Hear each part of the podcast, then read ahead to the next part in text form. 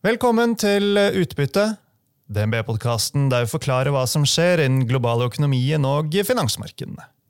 Jeg er Marius Brun Haugen, og i denne episoden skal det handle om globale aksjer. Tirsdag 22. august holdt vi et direktesendt webinar for DNB-kunder med forvalterne Linnea Munthe og Rune Kaland. De forvalter fondet DNB Global. Linnea og Rune begrunner bl.a. hvorfor de mener det er riktig å fokusere på forsvarsspillet fremfor angrep, slik de vurderer aksjemarkedet nå. Riktig god eh, lytt, og takk for at du hører på Utbytte.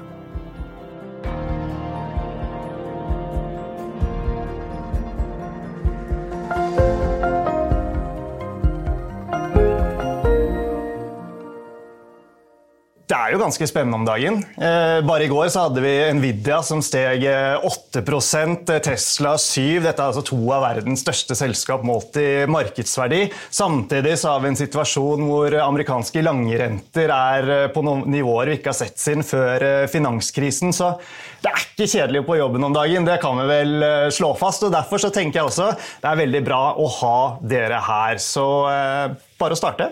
Jo, takk. Jo, det er helt riktig. det Gårsdagen var jo eh, skal si litt tilbake til der vi har vært litt tidligere år, med litt sånn eufori rundt noen aksjer, og, og de går veldig kraftig. Mens egentlig har august vært litt eh, slakere. Men hvis vi ser tilbake og ser litt på året til nå, så har DNB Global levert veldig bra. Vi har en avkastning på litt over 20 og, mm, Herlig. Det er veldig det. fint.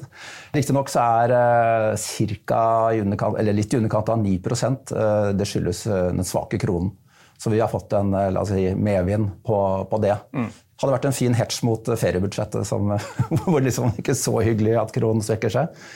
Men vi sitter på mellom 60 og 70 aksjer, som er vår jobb å, å plukke ut sammen med våre medforvaltere.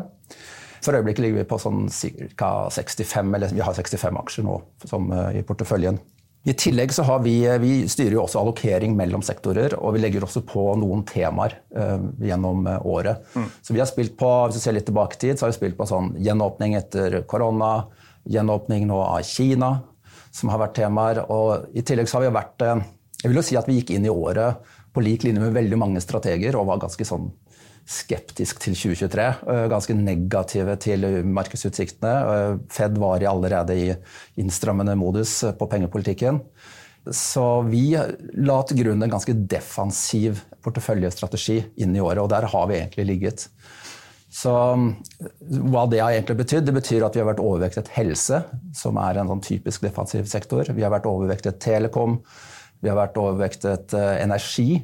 Energi har faktisk vist seg å være motsatt korrelert med markedet nå de siste årene. Når markedet går opp, så går energi ofte ned, og motsatt. Mm. Og innenfor konsum, som er Linneas eh, område, så har vi også hatt mye defensive posisjoner.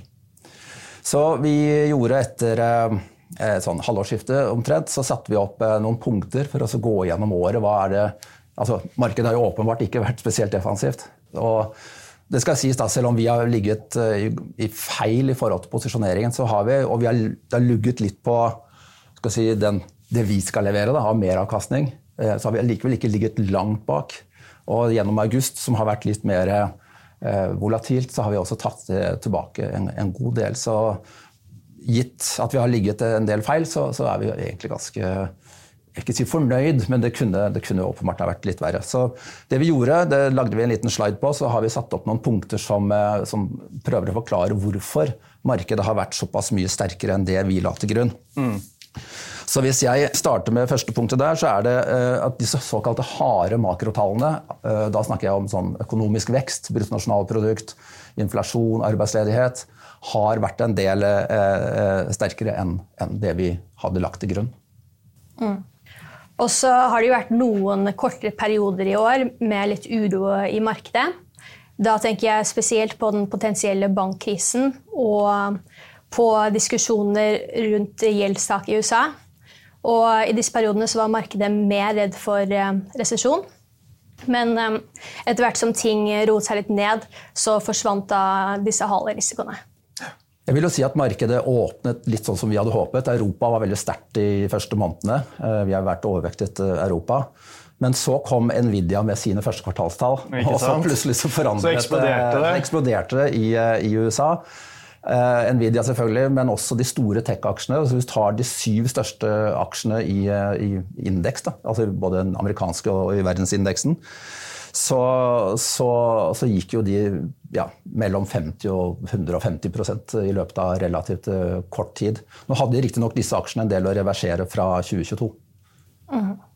Eh, forventningene til selskapers inntjening har kommet ned en del i løpet av året. Og det selskaper har levert eh, totalt sett, har vært bedre enn forventningene. Det som skjedde under eh, korona, var jo også at det ble delt ut det vi ofte kaller helikopterpenger. I USA så ble det delt ut penger til alle innbyggerne. I Europa var det mye støtte til næringslivet og også konsumenten. Og veldig mye av disse pengene havnet på bok. Og det har skapt en buffer som da Fed nå strammer inn på pengepolitikken så er det veldig mange som har reserver på, på bankboka si, som gjør at uh, effekten av innstramming har tatt noe lengre tid. Og Ved inngangen av året så var deltakelsen av småinvestorer, altså retail-segmentet, i markedet ganske lavt, men det har um, økt i løpet av året. Så det har nok vært en sånn FOMO-effekt fear of missing out som har dratt inn i markedet. Mm, akkurat det der er ganske gøy. Altså, jeg følger jo med på Eh, handelen til privatinvestorene her hos oss i eh, DNB ganske tett. og eh, Det er jo veldig forskjell fra det du sier at har skjedd i USA. og Her hjemme har vi ikke hatt den samme oppgangen som man har hatt for en del aksjer. For her hjemme så er jo aktiviteten mye mer lavere, mye mer dempet enn det den var. Men, men der ligger nå forklaringen litt nettopp i hvordan markedet har utviklet seg i år. Da. Men OK, Rune, du får fortsette. Ja, Det siste punktet jeg hadde der, det er sentimentet. og det, Sentimentet er jo ofte en kontrær faktor. Og hvis vi ser på hvordan vi lå inn i starten av året, og det gjaldt ikke bare oss, det var mange andre som også eh, lå negativt posisjonert eller forsiktig posisjonert inn i året. Det betyr at den marginale endringen den var jo ikke da ned, egentlig, den var jo da fort opp isteden. Men der har vi jo vi har jo sett at mange har gått mer mot nøytral i løpet av året. og Det betyr at de har vært si, kjøpere. Vi snakker om såkalt pain train, trade. Det vil si at eh, det er vondt, men eh, vi handler allikevel. Vi tar og dekker inn på en måte den kan si, feilposisjoneringen man har hatt. Mm. Eh, og den siste sånn, fund manager service som, som, Bank of America hadde, som, den viser jo egentlig at mange har til og med nå gått mer i positiv retning. Som for så vidt er et lite varseltegn i og med at det er en kontrær faktor. Mm. Så hvis vi beveger oss eh, videre, så er det eh, hvordan tenker vi nå? Har vi, hva har vi gjort? Eh, vi har vel egentlig ikke beveget oss så mye i nøytral retning. Vi har tatt og, endret litt på ta f.eks. det at vi spilte på gjenåpning av Kina. Det er jo åpenbart ikke slått ut sånn som man hadde håpet og trodd. Og en, en del av de bettene vi hadde der, de har jo for så vidt til dels gått inn, men der har vi tatt en del brikker av bordet. Men uh, vi, vi, er fortsatt uh, si, Det som har skjedd, er jo at markedet har blitt dyrere. Inntjeningen har jo på en måte ikke fulgt så nøye etter. Derfor mener vi at det fortsatt er riktig å være litt defensivt uh, posisjonert. Du kan si nesten sammenligne litt som i fotball. Vi, i, vi, vi, styrker Forsvaret snarere enn at vi, vi styrker angrepsrekka ja. for øyeblikket. Så Hvis du da ser på dette med resesjonsrisiko, så mener vi at den fortsatt er til stede, selv om markedet nå legger til grunn konsensus tror jeg legger til grunn at skal vi få en soft landing, eller en, det de kaller no landing, dvs. Si at vi ikke skal ned i det hele tatt, det tror vi er litt for uh, optimistiske. Og du har en såkalt invertert rentekurve, dvs. Si at den korte renten er høyere enn den lange renten. Og det betyr egentlig at, og det er, jo motsatt av hva det egentlig bør være, og det betyr at markedet legger til grunn at uh, sentralbanken etter hvert må begynne å kutte renten igjen. Og de kutter jo ikke renten for moro skyld, de gjør det fordi at de ser at de økonomiske utsiktene da svekker seg. Det er det som, som, som skaper et rentekutt. Det vil si at Implisitt så ligger det da at man venter en svekkelse i økonomien også. Så det er en liten sånn si, konflikt i, i, markedet. Ja, ja, absolutt. Eh, men markedet har vel moderert seg eh, noe. De trodde vel at, eller har vel lenge trodd at Fed skulle kutte heller før enn eh, senere. Jeg så på det senest i dag. Forventningen er vel at man skal holde seg på de nivåene over 5% som man er nå, fram til sånn ut i mai-juni 2024. Og så skal man begynne å kutte da, med 25 basispunkter inn mot 2025. Da. Så Det er vel det der markedet priser at man skal være i dag. Det er der rentemarkedet priser det. Ja, riktig. Rentemarkedet. Mm. Ja. Mm. Og så syns vi at eh, inntjeningsestimater og marginestimater er for høye. Eh, den høye inflasjonen hjalp selskaper å opprettholde salgsvekst ved å um, sette opp prisene. Men nå som inflasjonen har kommet ned en god del, og de faktisk må levere mer på volumer, så tror vi det kan eh, bli vanskeligere å, um, å møte forventningene. Og så ser vi også at eh, konsensus forventer mer enn 10% inntjeningsvekst i USA neste år. Og det tror vi kommer til å bli ganske vanskelig å levere på. Mm. Det vi også ser er at eh, Innstrammende pengepolitikk dette er langt, det tar litt tid før den begynner å virke.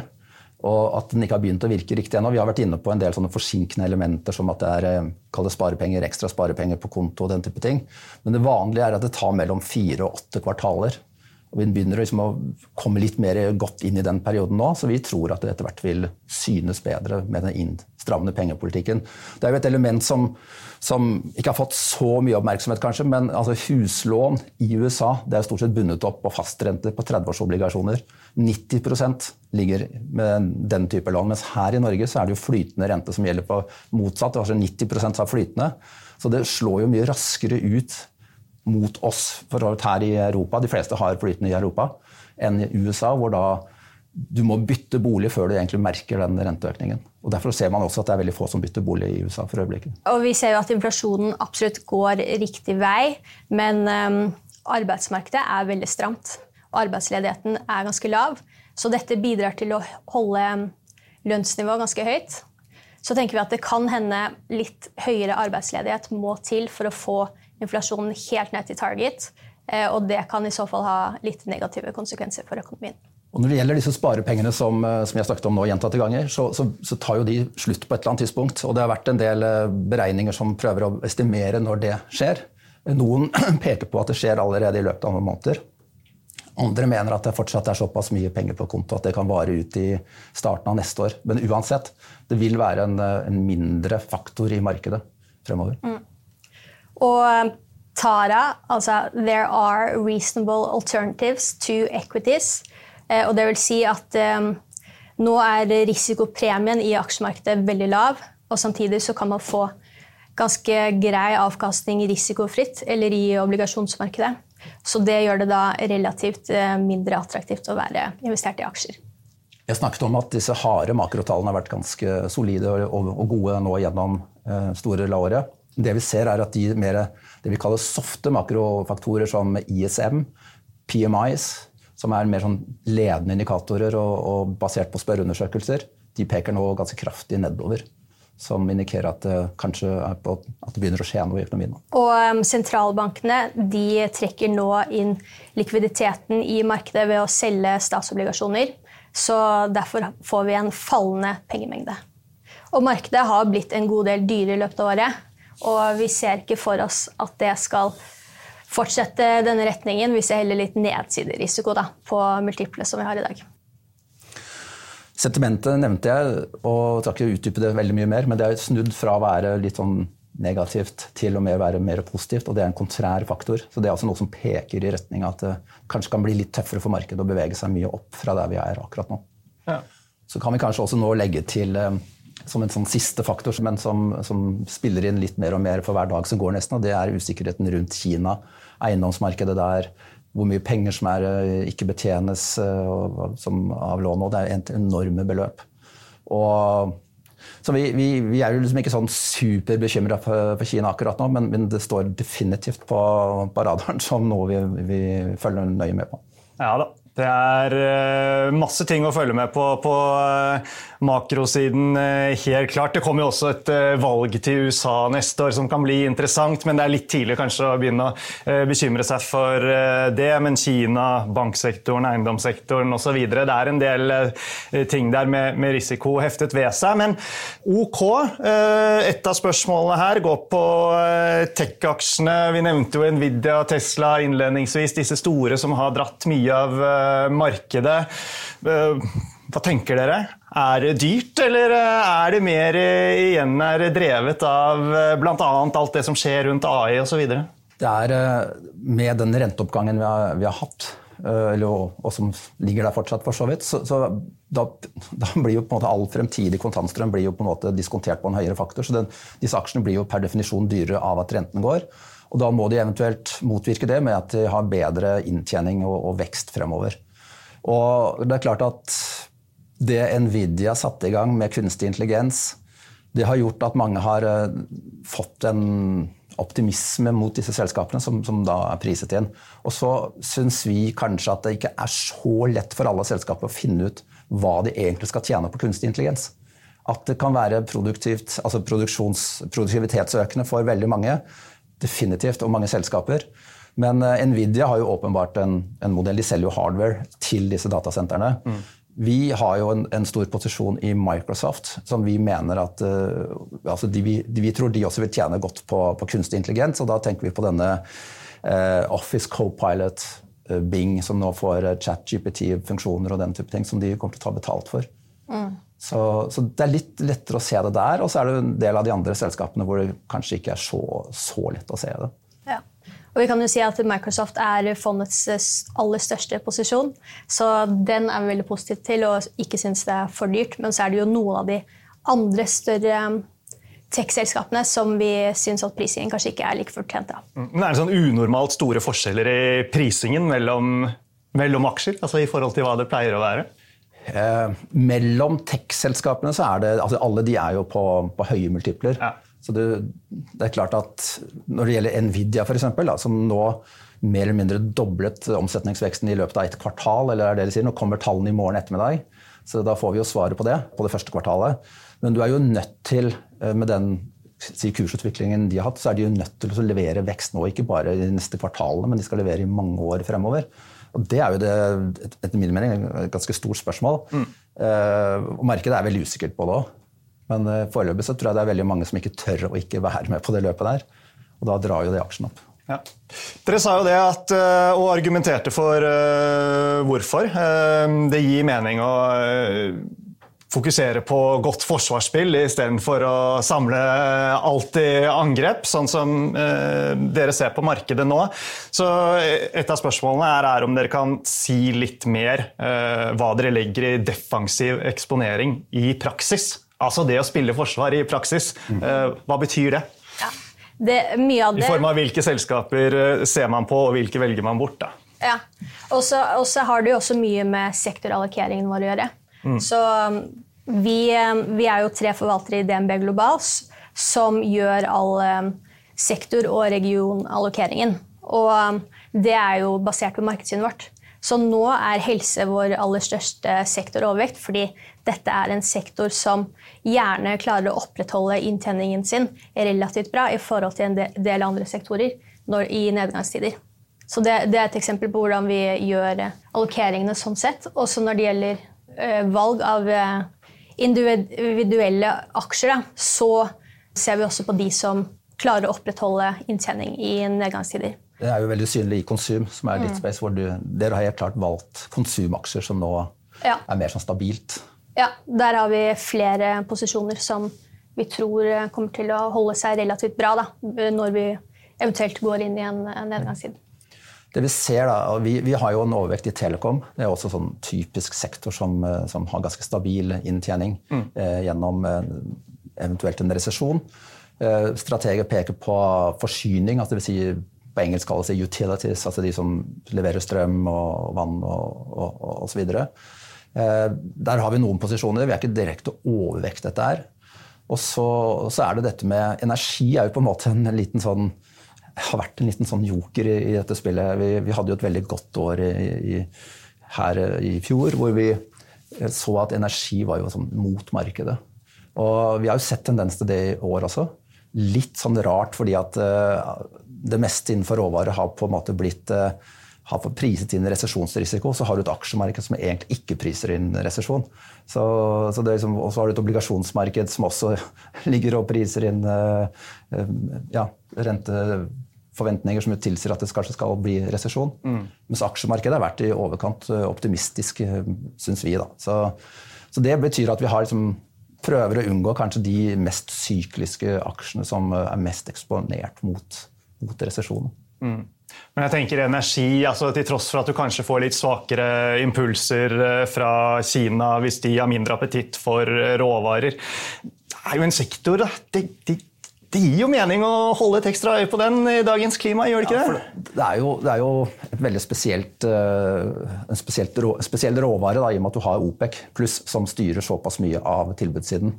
Og så har du Russland som nå er sanksjonert, men som har klart å holde produksjonen og eksporten oppe i litt større grad enn det man kanskje hadde forventet. Men det virker kanskje som de både Saudi-Arabia krever litt mer disiplin nå, og at de også er, i ferd med å senke eksporten. Så vi ser også at USA, som Shale, som har vært en stor som bidragsyter til oljevekst, altså tilbudsvekst, har også nå begynt å, å, å gulpe litt på, på økte kostnader. Og, og, de har sannsynligvis også kanskje produsert fra de aller beste brønnene sine. Så vi ser også at det ikke er den samme spruten derfra. Mm. Så, så er, altså, Oljemarkedet er isolert sett spennende, men, mm. men, når vi har det, så er det også vel mye, ganske mye en sånn taktisk vurdering. At det har vært en eh, altså vi, vi, Du snakker om sånn beta. Beta lik 1 er lik, da er du på, en måte på, på markedet. Men hvis du har en offensiv eh, posisjonering, så har du en beta som er høyere enn 1. Og vi har ligget nå med en negativ, altså under én i betaen over en, over en, periode. Og energi er jo en av de sektorene som gir en negativ beta. Så det, liksom, Vi kan bare sånn statistisk sett måle at det gir en negativ altså påvirkning på beta. Mm. Dere er jo aktive forvaltere. Sånn som dere ser eh, markedet tegne seg gjennom høsten og inn i neste år, eh, er det et marked som er eh, ekstra bra eller ekstra vanskelig å være aktiv forvalter i kontra kontra indeks. For det er en veldig sånn stor problemstilling, dette med aktiv kontra indeks. Og vi ser at eh, de markedene som vi sliter mest i som aktive forvaltere, det er gjerne de markedene hvor du kan nesten ta kalkulatoren og, og kaste den ut av vinduet, fordi at eh, markedet er bare sånn euforisk risk on, kjøper alt mulig rart, ja, ja, ja. og prisingen blir helt hilarious. Vi så det veldig tydelig i 2020 etter at eh, først markedet korrigerte ned på koronanedstengning, for så å bare gå helt uhemmet opp resten av året. Typisk år som vi hadde store problemer å, å henge med i. Eh, 2023 har vært et litt sånn krevende år for aktiv forvaltning, det også. Hvis du ser i forhold til USA, så er det bare 27% som har klart å levere meravkastning av de eh, aktive long only-fondene som er i USA. Det så vi en statistikk på nå nylig. Og det har selvfølgelig med at det har vært en voldsom konsentrasjon rundt tech-selskapene. Har du ikke vært med på de? Eh, og vi har jo vært med til dels på de, eh, sånn sett ikke tapt så mye der. Men, men mange har sikkert ikke vært fullt med på det, og da, da, da blir du hengende etter. Fremover så tror vi at den konsentrasjonen rundt disse tekstselskapene er i ferd med å slippe litt tak i det. så vi i hvert fall nå i august, og håper at det fortsetter. At vi får en større bredde. Og at det er mer mikro enn makro som skal spille inn i markedet. Og hvis vi får da et marked som det vi tegner som et bilde av her, så vil så tror vi på økt volatilitet. Eh, den måles jo vanligvis med denne såkalte VIX-indeksen, som er en sånn volatilitetsindeks. Den har jo bare ligget på lave nivåer. Den har ligget på veldig lave nivåer og pirker litt opp nå i august. Så for oss som aktive forvaltere så er jo det bra hvis den begynner å bevege seg litt mer opp. At det begynner å skje litt mer i, i markedet. Mm. Altså, da får du litt mer åpenbare feilprisinger. Det er lettere exactly. å utnytte uh, muligheter som, som, dukker opp. Um, ja. Er det andre ting som skiller hvordan dere gjør aktiv forvaltning i forhold til de som sitter og lager uh, indeksfondene? Ja, det er jo ganske mye, egentlig. Som Rune sa innledningsvis, så er vi investert i 60-70 aksjer av gangen. Og da velger vi de fra et veldig stort eh, investeringsunivers. Så vi har MSCI World som vår benchmark, og der er det 1500 selskaper. Og i tillegg så har vi mulighet til å investere utenom indeksen. Så um, vi tar mange aktive valg. Jeg snakket jo litt om hvordan vi gjør allokeringen. Og så jobber vi også mye med um, flere av kollegaene våre internt. Så i Global så har vi et veldig godt samarbeid med sektorteamene. Eh, teknologi, finans og helse. Mm. Og de hjelper oss å plukke aksjene våre innenfor de sektorene.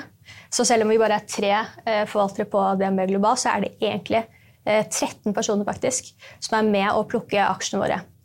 Stort team med mange kompetente folk som står bak, som også vi har gleden av å ha jevnlig her inne i eh, studio osv. Så, videre, så det er, det er, veldig bra.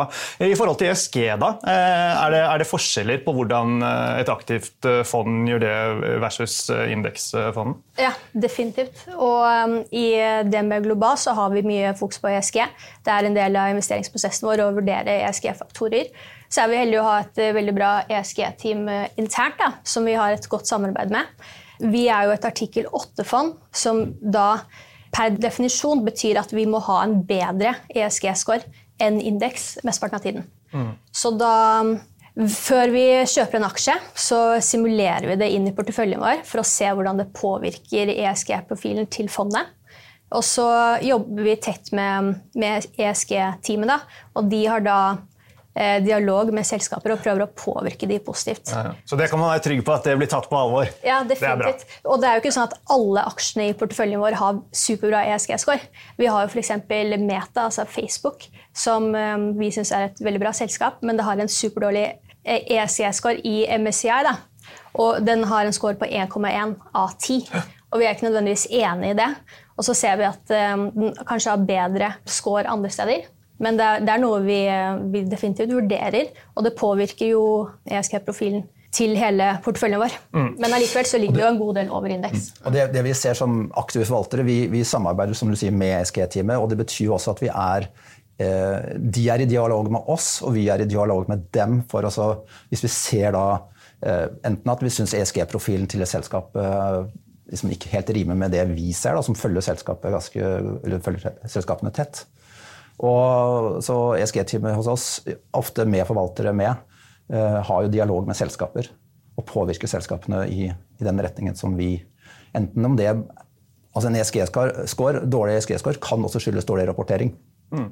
Mm. Da påvirker de til å rapportere bedre, da, hvis, de, hvis, de, er bedre enn det de fremstår. Bra det. Eh, en som lurer på om Du nevnte jo at vi har, ja, man ser på ulike sektorer. Eh, og Et av spørsmålene går på om dere kan røpe noen toppvalg innen, eh, av enkeltaksjer innen helse og telekom henholdsvis. Ja, i, i, hvert fall så er en av våre favoritter i hele porteføljen er en helseaksje. Og vi er jo overvektet helse, så det skulle bare mangle nesten. Eh, og det er Eli Lilly.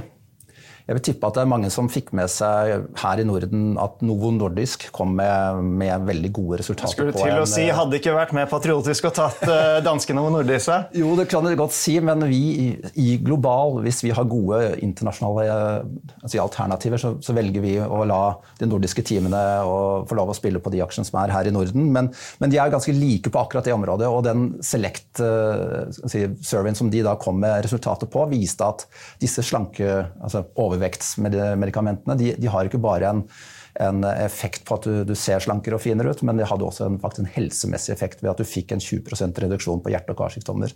Og det løftet noe nordisk mye, men det løftet også Eli Lilly, som vi hadde, som er, den, si, det er de to som konkurrerer på det området. Da. Men i tillegg til um, det medikamentet der, så har jo Eli Lilly mye bredere portefølje. Noe nordisk er på en måte en spesialist innenfor diabetes og overvekt Eli Lilly er store på det, men de kom også med en fase 3-studie på en Alzheimer-medikament som de kom med nå i våres, som ser veldig lovende ut.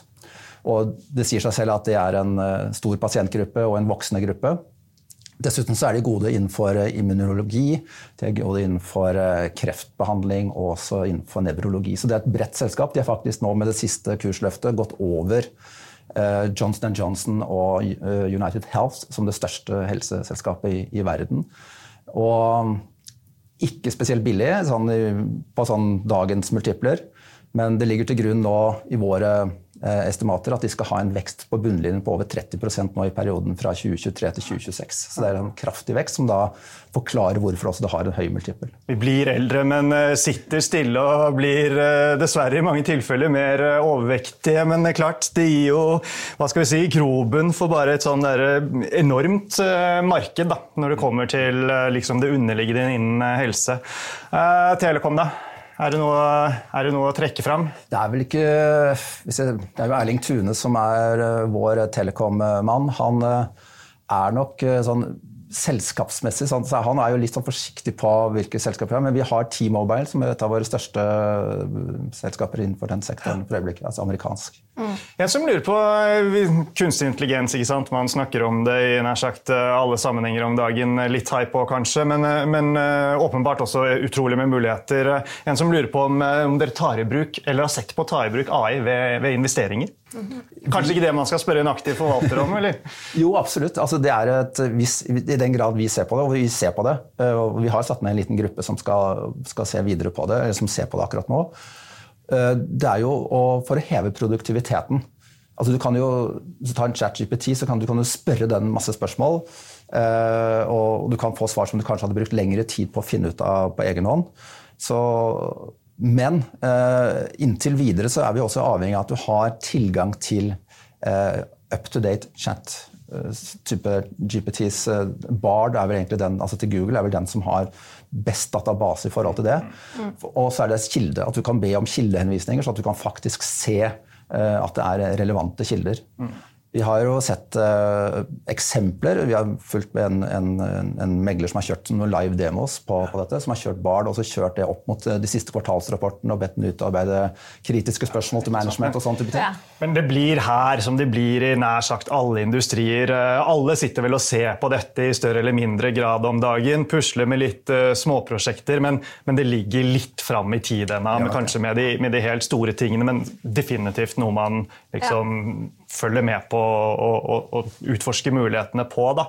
Eh, ok, Et spørsmål til kom inn på tampen. Jeg syns for så vidt det er relevant i form av hvis man ser for seg at det går mot litt tøffere tider. Forbrukerne knekker ikke, men hva skal vi si? Eh, ting snevres litt inn. Eh, rentene er høye, prisene stiger ting skal refinansieres. Så spørsmålet er jo bare helt konkret. Hva med liksom sektoren inkasso? Da er vi jo inne på finans, altså en gren av finans igjen. Eh, ja. Tanker? Kan det bli interessant? Jeg, altså det er jo bare Hvis, hvis den, de, disse svakere tidene kommer, så er jo det nesten jeg holdt på å si en no-brainer. Det er jo bra for inkasso. Så, men vi Jeg kan ikke komme på noen selskaper som vi har i vår globale portefølje som er på en måte sånn, litt sånn pure play på, på inkasso. Hva med banker og finans ja, eh, generelt? da? Skal vi videre på det? Altså, når det gjelder banker, så er det, det er jo egentlig litt sånn eh, interessant nå. fordi at eh, Vi har jo ikke glemt, som Linnea sa, eh, det som skjedde i eh, amerikanske ja, banker ja, i våres. Mm. Og det er jo det er en, det er en, issue. Du kan si at Stigende renter er jo positivt. Du ser jo nå I Italia så det, diskuteres det nå å innføre en ekstraskatt på, på netto renteinntekt. For den, den, stiger jo normalt for bankene når renten går opp. Mm. Eh, jeg så Kaski var ute og, og argumenterte for det samme her i Norge. Ja, men, men, eh, du ser jo det på de amerikanske bankene. klart De nyter godt av det. Men samtidig så ser vi også at den resesjonsfrykten som eventuelt ligger der, da, og, og, som vaker der fortsatt, kanskje litt mindre nå, men den, den, er jo der, så vil det typisk bety økte tap eh, på lån. Mm. Og vi ser jo også at bankenes utlån til selskaper i USA Dvs. Si at bankenes vilje til å ta risiko ved å låne ut penger, den er jo nå nede på lavere nivå enn etter finanskrisen. Så det har kommet fryktelig ned. Altså det er veldig vanskelig å hente penger nå for næringslivet i USA. Mm. Så, så, bank er på en måte en litt sånn ja, de tjener på noe, og så er det mer usikkert på andre. Så vi ligger ganske nøytralt vektet nå i bank. Vi har en liten overvekt i forsikring. Ja, og vi, vi deler jo finansteamet sitt syn. da, At de bankene som fikk problemer, det var isolerte tilfeller. Mm. Så vi tror ikke uh, på som et base case da, at det kommer store spredningseffekter. Som bankkrise ser ikke det nå. Nei. Nei. Vi har en nøytral posisjonering i den sektoren. Ja, ok. Da, ta, da kom det ene spørsmål. Vi tar siste spørsmål da, før vi uh, setter strek. hvor vår tilmålte tid er snart uh, slutt. dette går jo litt mer på forbrukeren, som du var innom i sted. det er en som lurer på om dere har noen tanker om flyselskaper nå inn mot høsten og ut i neste år. Fra et sånn makroperspektiv her i Norge så er det jo lett å tenke på at vi får mindre å rutte med. Ting strammes inn, det blir litt mindre reising. Men eh, det går jo ikke nødvendigvis som man tror, det. Vi kan kanskje svare litt fra hver vår side, for jeg følger ja. transport eh, og flyselskapene. Linnea følger eh, konsum, og en rekke av de selskapene vi følger der, er jo avhengig av reise. Altså, altså selge parfyme og sånne type ting. Men eh, vi hadde en posisjon i Delta Airlines som vi solgte ut nå for ikke så lenge siden. Og det var eh, et, si, et av våre gjenåpningscase etter eh, korona. Og den fikk et veldig bra løft nå i, i år, var oppe sånn rundt 40% Og så så vi at det ble litt tregere å få i gang internasjonal reising ut av Kina, som er deres, de er store på internasjonale flyvninger. Så vi valgte å ta, ta gevinst der og selge oss ut av Delta Airlines. Så vi har ingen, ingen fly selskap nå i, i porteføljen. Mm. Og eh, ja, mange av de eh, flyselskapene som flyr til, eh, til og fra Kina, de kommer nok til å få en boost etter hvert som kineserne begynner å reise internasjonalt igjen. Fordi kineserne har jo begynt å reise litt, men det er veldig mye domestic. Og de er ikke i nærheten av tilbake eh, internasjonalt til der de var før eh, de hadde lockdown. Da. Og eh, ja, når det gjelder konsumenten, så, så ser vi jo at eh, hva de prioriterer, har endret seg ganske mye siden korona. Og um, travel and leisure er definitivt et område hvor det ikke er så mye tegn på at uh, konsumerne er villige til å gjøre kutt. da. Mm. Så man velger uh, å prioritere liksom, opplevelser. Foreløpig er det fortsatt sånn at man skal ja. reise. Ja. Så får vi se om det endrer seg nå. da. Ja, det er spennende. Så travel-sektoren har vært veldig bra year to date. Det er mange som har liksom ventet på svakhetstegn, men det har ikke, har ikke vært så mye av det foreløpig. Nei, Vi får uh, se. Med det så uh, setter vi strekk for i dag. Så da gjenstår det bare å si uh, tusen takk Rune og Linnea, for at dere kom og ga oss en oppdatering. Og sist, men ikke minst, folkens, tusen takk til alle dere som fulgte med.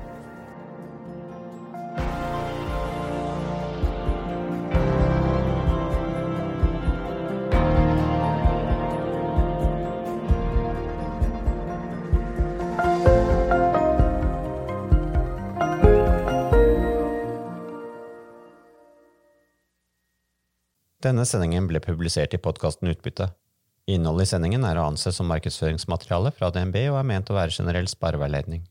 Sendingen skal ikke oppfattes som et tilbud om å kjøpe eller selge finansielle instrumenter, eller som investeringsrådgivning tilpasset den enkelte investors situasjon.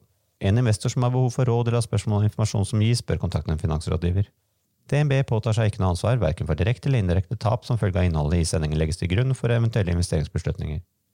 Husk at historisk avkastning aldri er noe garanti for fremtidig avkastning. Avkastningen kan bli negativ som følge av kurstap.